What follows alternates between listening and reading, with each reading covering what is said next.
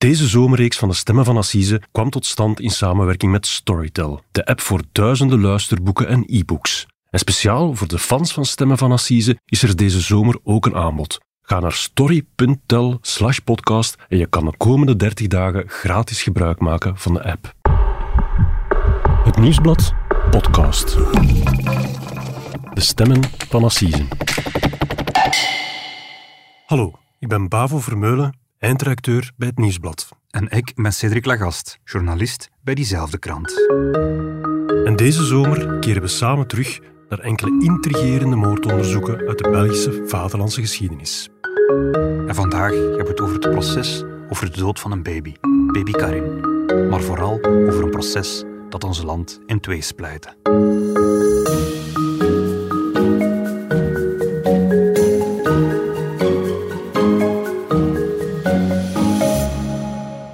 Dag Cedric. Dag Bavo. We zitten hier opnieuw samen uh, voor onze zomerspecial van Stemmen van Assise. Vorig jaar hebben we dat ook al eens gedaan, voor 100 jaar oude moorden. Ja. Deze keer reizen we naar een ander tijdperk, na de Tweede Wereldoorlog. Ja, we zijn een klein beetje opgeschoven naar het midden van de 20e eeuw.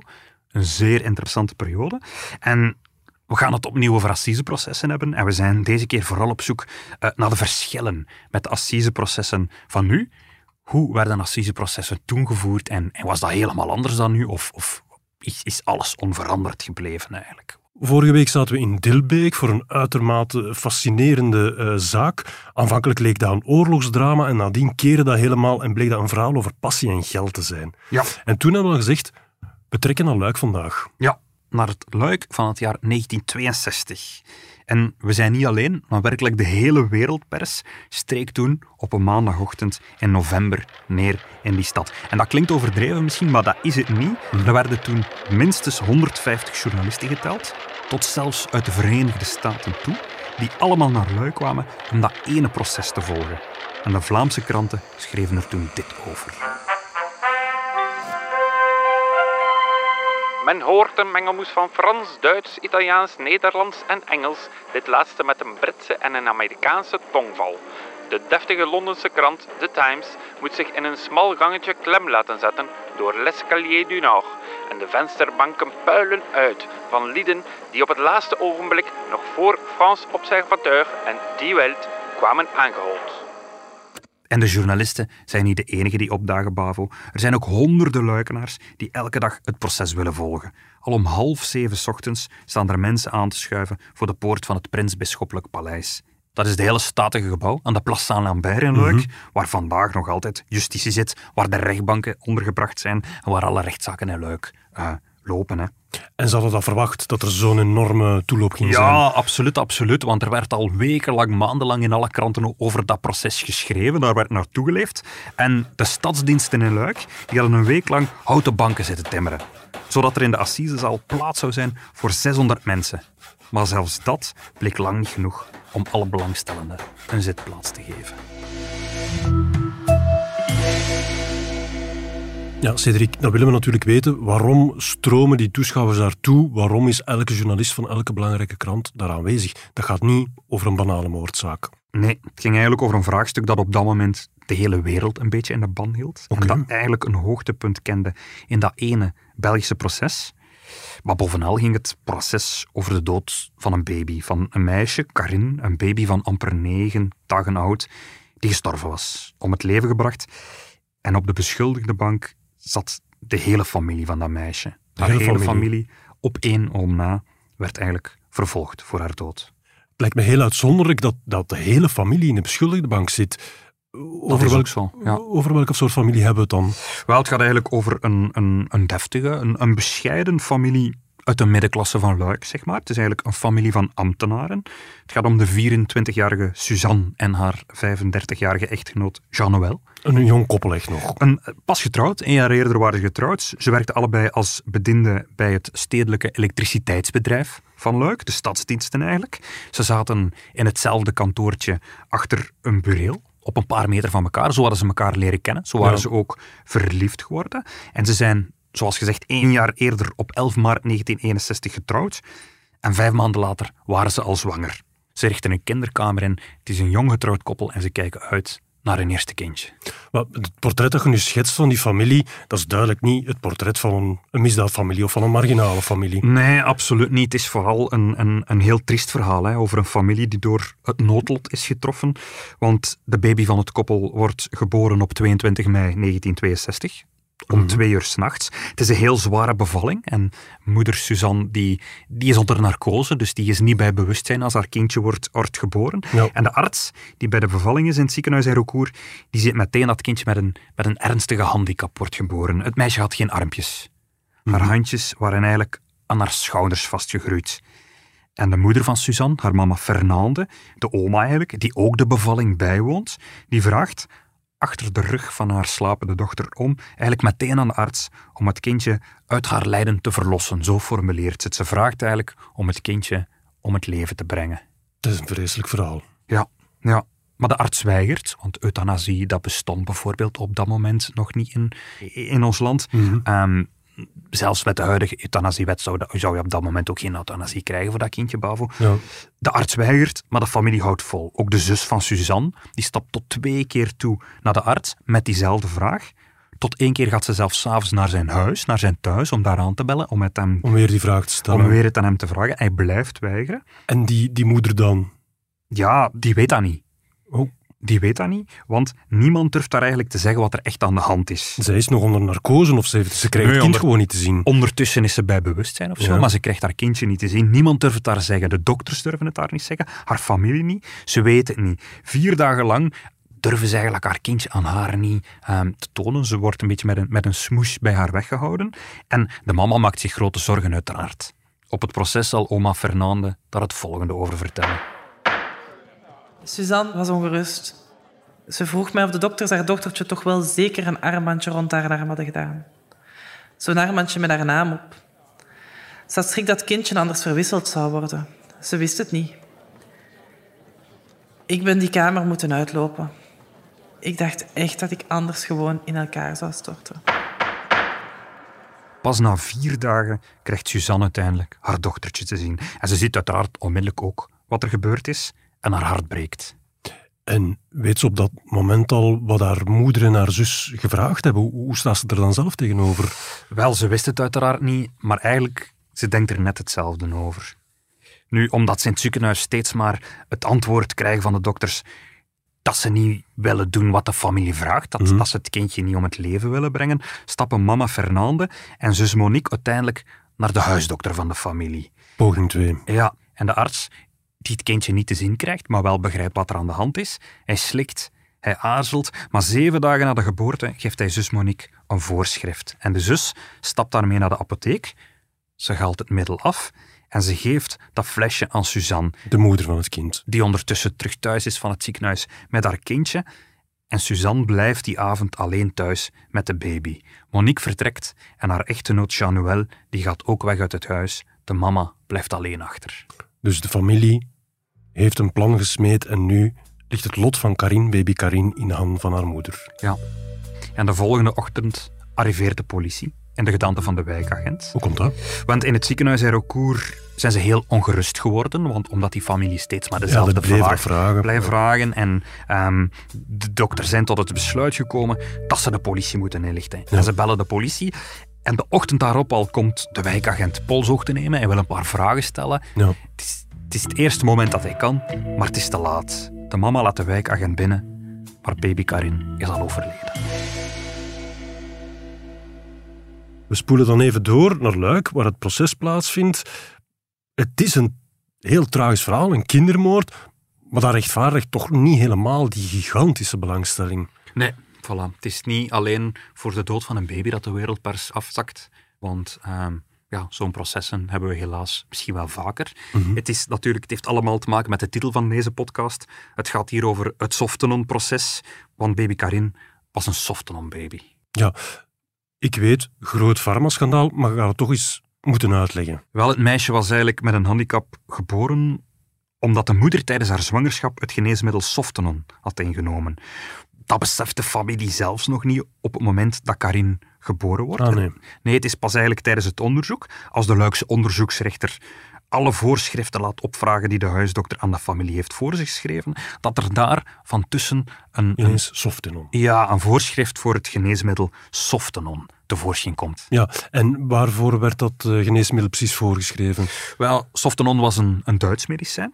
Een slaapmiddel eigenlijk, dat pas in 1957 op de markt was gekomen. Ja. Het, het had eigenlijk de naam, ironisch genoeg, zeer veilig te zijn, want je kon er geen overdosis van nemen, je Ja. kon er geen dodelijke dosis van nemen. En het werd bovendien voorgeschreven eh, bij zwangere vrouwen als een middel tegen ochtendmisselijkheid. Maar het had verschrikkelijke gevolgen voor de vrucht, voor, voor het kind dat Ja. die vrouwen droegen. Ja, nu beseft iedereen dat het medicijn Softenon en zwangere vrouwen... eh, dat doet nu alarmbellen afgaan. maar, maar toen, eind de jaren 50, niet natuurlijk. Hè. Niemand wist dat. Pas, pas na enkele jaren werd duidelijk dat de actieve stof van Softenon, dat is thalidomide, dat dat eigenlijk voor ernstige afwijkingen kon zorgen bij ongeboren kinderen.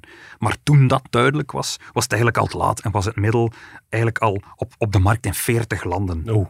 Waaronder België. En dan zijn er eigenlijk heel veel zwangere vrouwen die dat middel hebben genomen tegen misselijkheid. En er zijn ook heel veel Softenon baby's geboren dan, wereldwijd. Er zouden naar schatting wereldwijd eh, 10.000 van die kinderen geboren zijn.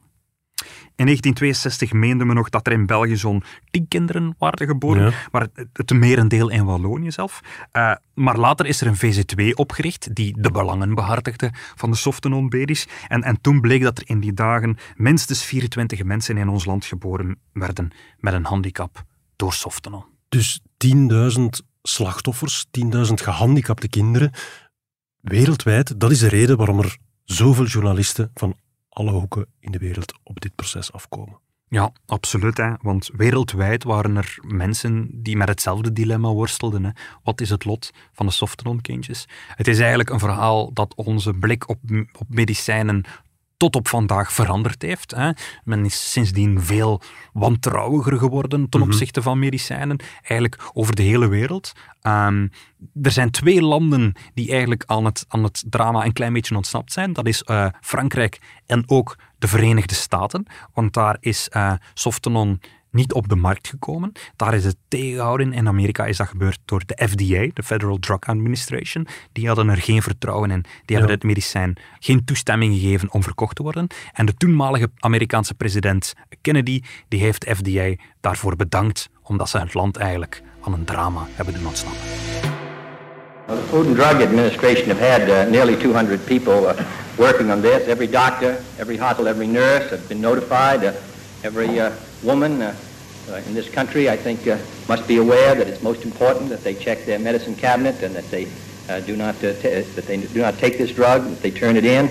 Every citizen, of course, should be aware of the hazards, and I'm sure they are.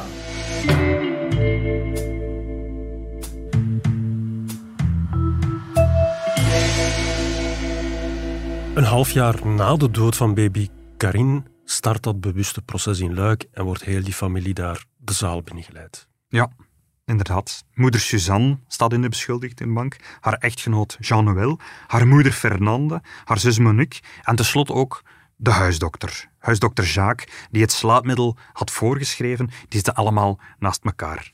En er is veel publiek. Ehm, het was van op dag één al eh, een proces dat mensen beroerde, eh, maar eigenlijk ook een proces dat een beetje polariseerde. Iedereen had er een mening over klaar. Ja. Het was geen proces waarbij mensen een afwachtende houding aannamen en denken van ah, we zullen eens zien wat hier naar voren komt. Eh, nee, iedereen had eigenlijk al zijn mening klaar over wat er met die familie moest gebeuren. En de voorzitter, Paul-Emile Troes, de voorzitter van het Hof van Assisen, die wist dat. Ja, Elk assiseproces dat begint met de selectie van twaalf juryleden. Hier was dat ook zo. Maar er waren in de weken voordien bijvoorbeeld petities rondgegaan in Luik eh, ten voordele van de familie, waarin werd opgeroepen om de familie niet te straffen. ja. dus daar in Luik was er heel veel begrip voor wat er gebeurd is. Absoluut. Er- onder de Luikse bevolking was er veel sympathie voor de familie. En vandaar ook dat de voorzitter eigenlijk enorm veel kandidaat-juryleden Ah ja. had, had opgeroepen. Omdat hij vreest dat er veel te veel vooringenomen mensen zouden Voilà, voilà, absoluut. Hij wil een neutrale, onbevooroordeelde jury, hoe moeilijk dat ook was. En uiteindelijk wordt er een jury van alleen maar mannen gekozen. Wat vandaag ook niet meer zou kunnen. De wet zegt nu dat er slechts acht leden van hetzelfde geslacht in een jury mogen zitten. Dus acht mannen en vier vrouwen. Of maximum acht vrouwen. Dan moeten er minstens ook vier mannen in zitten. Ja, maar het opvallende blijft dat daar niet alleen die mama die ehm, het kind gedood heeft zit, maar dus omringd wordt door haar, onder andere door haar zus en haar moeder en haar schoonbroer. Ja. Ik vermoed dat is dan als medeplichtige, is er dan ook frictie binnen die familie uh, over wie dat een echte schuldige is? Nee, eigenlijk niet. Ze zitten samen in de beschuldigde bank en ze gedragen zich ook heel sereen. Ze zijn solidair. Elk familielid geeft ruiterlijk toe wat er gebeurd is en wat ze zelf gedaan hebben. Ja, bijvoorbeeld die vraag direct gesteld aan de dokter, voilà, de moeder en de zus. Bijvoorbeeld, en de zus die het medicijn heeft gaan halen. Ja, maar in de zaal is het wel duidelijk, de hoofdbeschuldigde, dat is duidelijk moeder Suzanne. Het is een jonge, 24-jarige vrouw met een lange, scherpe neus. En er bestaan foto's van haar in de rechtszaal. En ik heb er een aantal meegebracht die ah, toen in de rechtszaal genomen zijn. En hier zie je bijvoorbeeld moeder Suzanne en haar echtgenoot Jean-Noël. Ja, het ziet er echt zo'n heel braaf echtpaar uit. Het is ook een, een, een hele goede, scherpe foto en veelzeggende blikken, vind ja. ik. Ja. En de vader lijkt een klein beetje op een Franse acteur, vind ik. Ja, dat zou inderdaad wel kunnen, ja. Er is ook een foto van waar, waarbij je, dat je hen alle vijf ziet. Dus je ziet opnieuw moeder Suzanne en haar echtgenoot. En dan haar moeder staat naast haar, haar zus en de huisdokter. Ja. En wat ik heel frappant vind, is dat die drie vrouwen eigenlijk bijna kopieën van elkaar zijn. Prachtige beelden, echte tijdsdocumenten, zeer uitzonderlijk ook. En een hele familie op een rij in een assisezaal. Um, we zullen die ook op Instagram zetten, hè, dat de luisteraars die daar uh, kunnen bekijken. De Instagram van Stemmen van Assise. Ja. Nu, het assiseproces begint uiteraard met de ondervraging van de beschuldigden, van de vijf beschuldigden.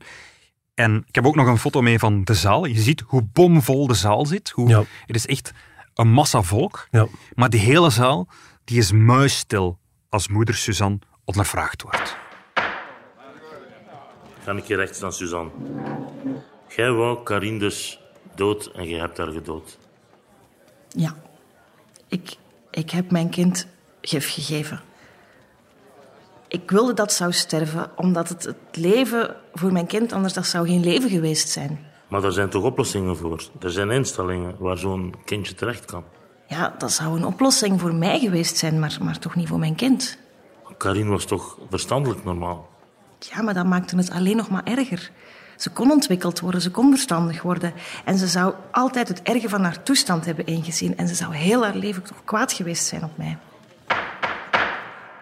Cedric, ik moet zeggen, ik vind dat een heel serene, evenwichtige getuigenis van die vrouw. Ja, maar het is ook een pijnlijke getuigenis natuurlijk, hè, want er is wel een kindje gestorven natuurlijk. Klopt, ja. Nu, de spanning loopt op op het proces. Op dag twee ontstaat er opnieuw opschudding, want huisdokter Jacques, de man die ook mee terecht staat, die heeft een zwangere schoonzus, de zus mhm. van zijn vrouw eigenlijk. En op dag twee onthullen zijn advocaten dat de vrouw de dag voordien bevallen is, ook van een softenon kindje. Die man heeft dus softenon voorgeschreven aan zijn schoonzus. Ja, net zoals hij voorgeschreven had aan Suzanne. En de krant omschrijft het dan zo. Er ging een kreet van afschuw door de zaal. Mannen en vrouwen huilden en snikten.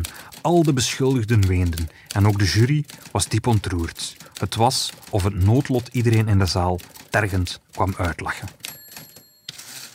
Het is een ongelooflijk toeval. Ja, maar waarom maken de advocaten dit op dat moment bekend? Het punt daarbij is dat zowel de dokter als de familie in dit geval van mening zijn dat dit jongetje moet leven. Dat deze baby moet blijven leven, want hij kan met een operatie geholpen worden. Ja. Dat, dat pleiten zijn advocaten daar eigenlijk. Eigenlijk mag er nog niet gepleit worden op zo'n moment, maar ze doen het toch. En ze zeggen, ja, dit, dit, jongetje zal wel een vrij normaal leven kunnen leiden. In tegenstelling tot baby Karin, dat is hun punt. Voilà, ze willen duidelijk maken dat ze niet in elke situatie zo zouden reageren, maar dat de situatie van baby Karin voor hen zo ondraaglijk was, dat ze dat zo ondraaglijk vonden, dat ze zich gedwongen voelden om in te grijpen.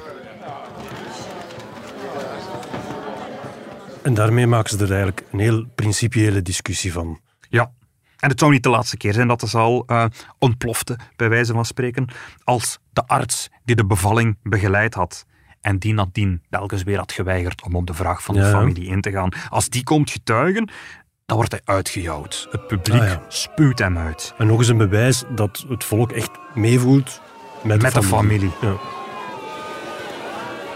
En een dag later moet de voorzitter de zaal zelf helemaal laten ontruimen, uh, omdat het publiek lang applaudisseert voor een andere dokter. Een dokter die had laten vallen dat hij de familie had willen helpen, omdat hij, er was, hij was erbij gekomen toen het kindje gestorven was. En hij had eigenlijk willen noteren dat de baby een natuurlijke dood was gestorven. Maar ja, hij had het zelfs nog willen toedekken. Als hij dat had gedaan, was er nooit een onderzoek geweest. Ja. Maar natuurlijk, de politie komt aan de deur en er komt wel een politieonderzoek natuurlijk. En die man krijgt dan wel applaus. Ja, en dat mag natuurlijk niet in de assisenzaal. Ook het, het publiek moet sereen en neutraal blijven. Je mag ook als publiek je mening niet laten horen.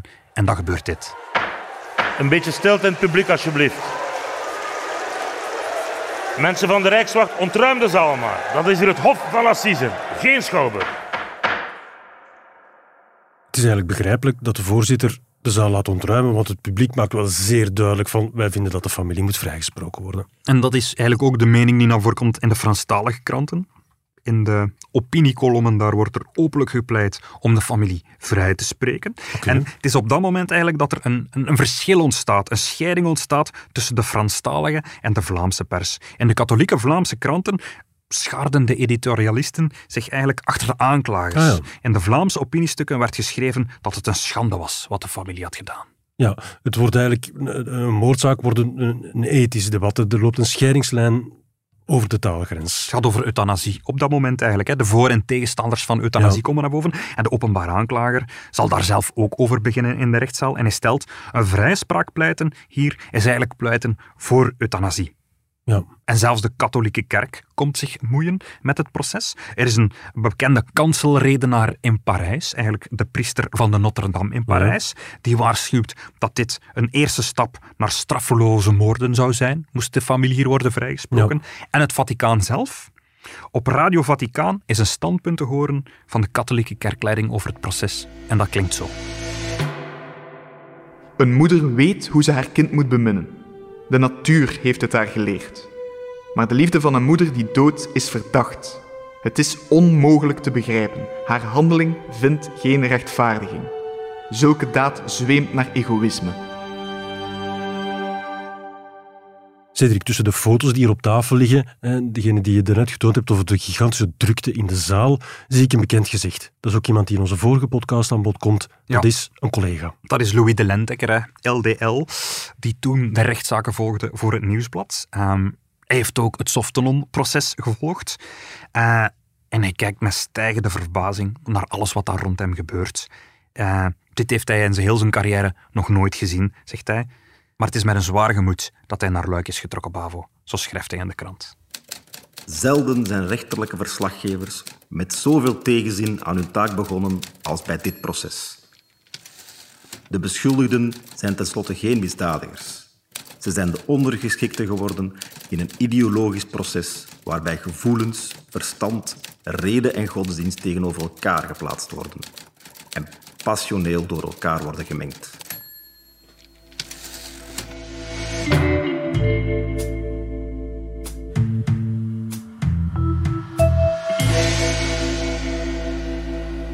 Cedric, het proces over de dood van baby Karin is echt ontspoord in een ethische discussie tussen Vlaanderen en Wallonië en eh, conservatief en progressief. Hoe loopt het daar verder af? Eerst komt de procureur-generaal nog aan het woord met zijn requisitoir. Gij zult niet doden. Zo zou de titel ervan kunnen zijn. Is zo'n beetje de rode draad door, Ja. zijn, door zijn betoog. En hij eist dat de vijf allemaal veroordeeld zouden worden voor moord. Indien één van de vijf de moed gehad zou hebben om nee te zeggen, het kindje had nog geleefd, pleit hij. En dit is niet het proces van het geneesmiddel Softenon. Duidelijke woorden. Ja, de vijf beschuldigden daarentegen, die vragen één voor één de vrijspraak. Ze waren er heilig van overtuigd, na een diepe gewetensstrijd, dat er geen andere oplossing mogelijk was, zo pleit een van hun advocaten. Ik vraag u niet, heren van de jury, te zeggen dat de beschuldigden goed gedaan hebben. Ik vraag u alleen te zeggen dat wat ze deden geen misdaad is. Ja, wat, wat de openbare aanklager zegt en de verdediging zegt, dat ligt altijd ver uit elkaar, maar dit is wel extreem. Hè? De moordenaars en geen misdaad. Ja, Ja. absoluut. En na zes dagen proces, op een zaterdag, heeft de jury een verdict klaar. De jury moest maar 1 uur en 45 minuten nadenken. Betrekkelijk kort. Dat is kort, zeker, aangezien dat het over vijf eh, beschuldigden gaat. Ook Dus al, dat er een ja. hele reeks vragen moeten beantwoord worden. Nu, op dat moment staan er tot 5000 mensen op de bekende Place Saint-Lambert in Luik buiten te wachten. En ze worden eigenlijk ook een beetje verrast door het snelle oordeel. Want iedereen gaat er, ging ervan Ja. uit, het zal lang duren. Iedereen is even naar buiten gegaan. Plots wordt het gerucht verspreid in het gerechtsgebouw. Ze zijn eruit, de jury gaat naar buiten komen. Iedereen haast zich te- terug naar binnen. Er is een stormloop, want er zijn maar 600 zitjes natuurlijk. Dus iedereen wil op een van die 600 bankjes kunnen zitten. Er zijn mensen die vallen, er zijn mensen die geklemd raken. De jury moest zich over in totaal elf vragen over de vijf beschuldigden buigen. En de voorzitter van de jury moest het antwoord op die elf vragen één voor één luid voorlezen. Ja. Op de eerste vraag was het antwoord nee. Op de volgende nee. Vervolgens nee. Nee. En zo ging het verder. En het is al duidelijk, Bavo, op elke vraag nee. Ze worden nergens voor veroordeeld. En al dat publiek reageert natuurlijk. Naarmate dat hij verder las, zwol het rumoer in de zaal aan, zo stond er in de kranten. Hij raakte uiteindelijk zelfs niet meer aan de elfde en laatste vraag, want op het moment dat hij daarop antwoord op moet geven, is het publiek al in de zaal aan het juichen. Vrouwen dansten of schreiden, mannen vloekten, brulden en floten. Een bevreemdend, angstaanjagend, dierlijk gehuil, zo noteert de krant. Ja, het lijkt me dan ook echt ongezien het tafereel voor een rechtszaal. En niet alleen in de rechtszaal, want een van de mensen in de rechtszaal loopt naar het raam, hij gooit het open en hij roept naar buiten: Ze zijn vrij. En op dat moment stijgt er een enorm gejuich op op de Place Saint-Lambert, waar nog altijd bijna 5000 mensen staan te wachten. En de vijf zijn vrij. Ze mogen naar huis. Ze mogen onmiddellijk naar huis. Ze stappen in twee auto's die hen naar huis zullen brengen. Maar er staat zoveel volk op het plein dat die auto's eigenlijk niet naar buiten geraken. Ja. De Rijkswacht moet proberen om de menigte achteruit te dringen, maar dat duurt niet, want iedereen wil die mensen zien. Iedereen wil die vijf zien die daar zijn vrijgesproken. En het duurt een half uur vooraleer dat de auto's met zwaailichten en sirenes over het plein kunnen wegrijden. Ja, er is een rumoerig einde van een, van een zeer beladen, rumoerig proces. Is, is ermee ook de kous af? Ehm in heel dat soft en Ja, nee, eigenlijk niet.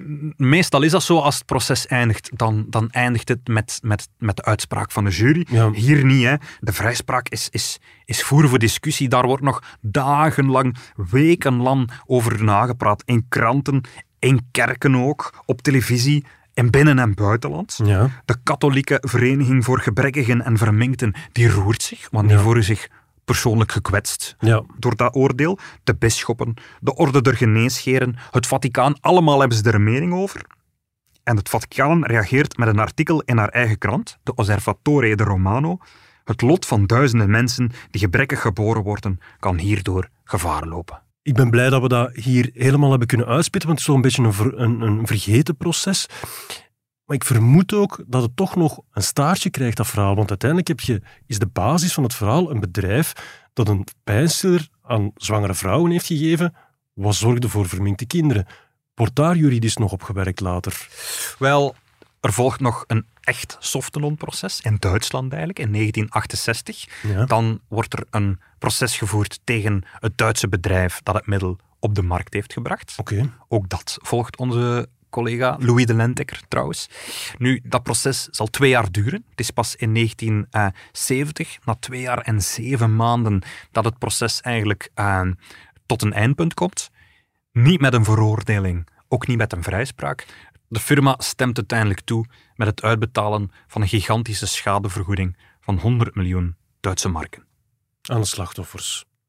En zo komt er dan eigenlijk een echt einde aan, dat eh, woelige proces van de, de dood van baby Karin. Dat was een totaal ander verhaal dan we vorige week behandeld hebben. Ook zeer interessant. Nu ga je mij vertellen wat je volgende week meebrengt. Volgende week reizen we verder, Bavo. We gaan naar het Vlaamse Eeklo voor het proces van een man die niet blijkt te zijn wie hij zegt te zijn. Oké, bedankt Cedric. Tot volgende week. Tot volgende week. Dit was De Stemmen van Assisen, een podcast van het Nieuwsblad. De stemmen waren deze week van Bavo Vermeulen en van mezelf, Cedric Lagast. De montage gebeurde door Benjamin Hertogs van House of Media. En de productie was in goede handen bij Bert Heijvaart en Joni Keimolen.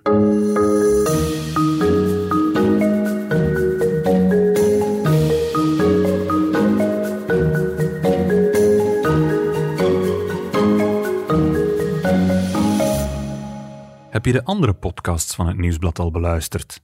Seks verandert alles, Het Punt van Van Impe, Vrolijke Vrekken, Shotcast en De Koers is van ons.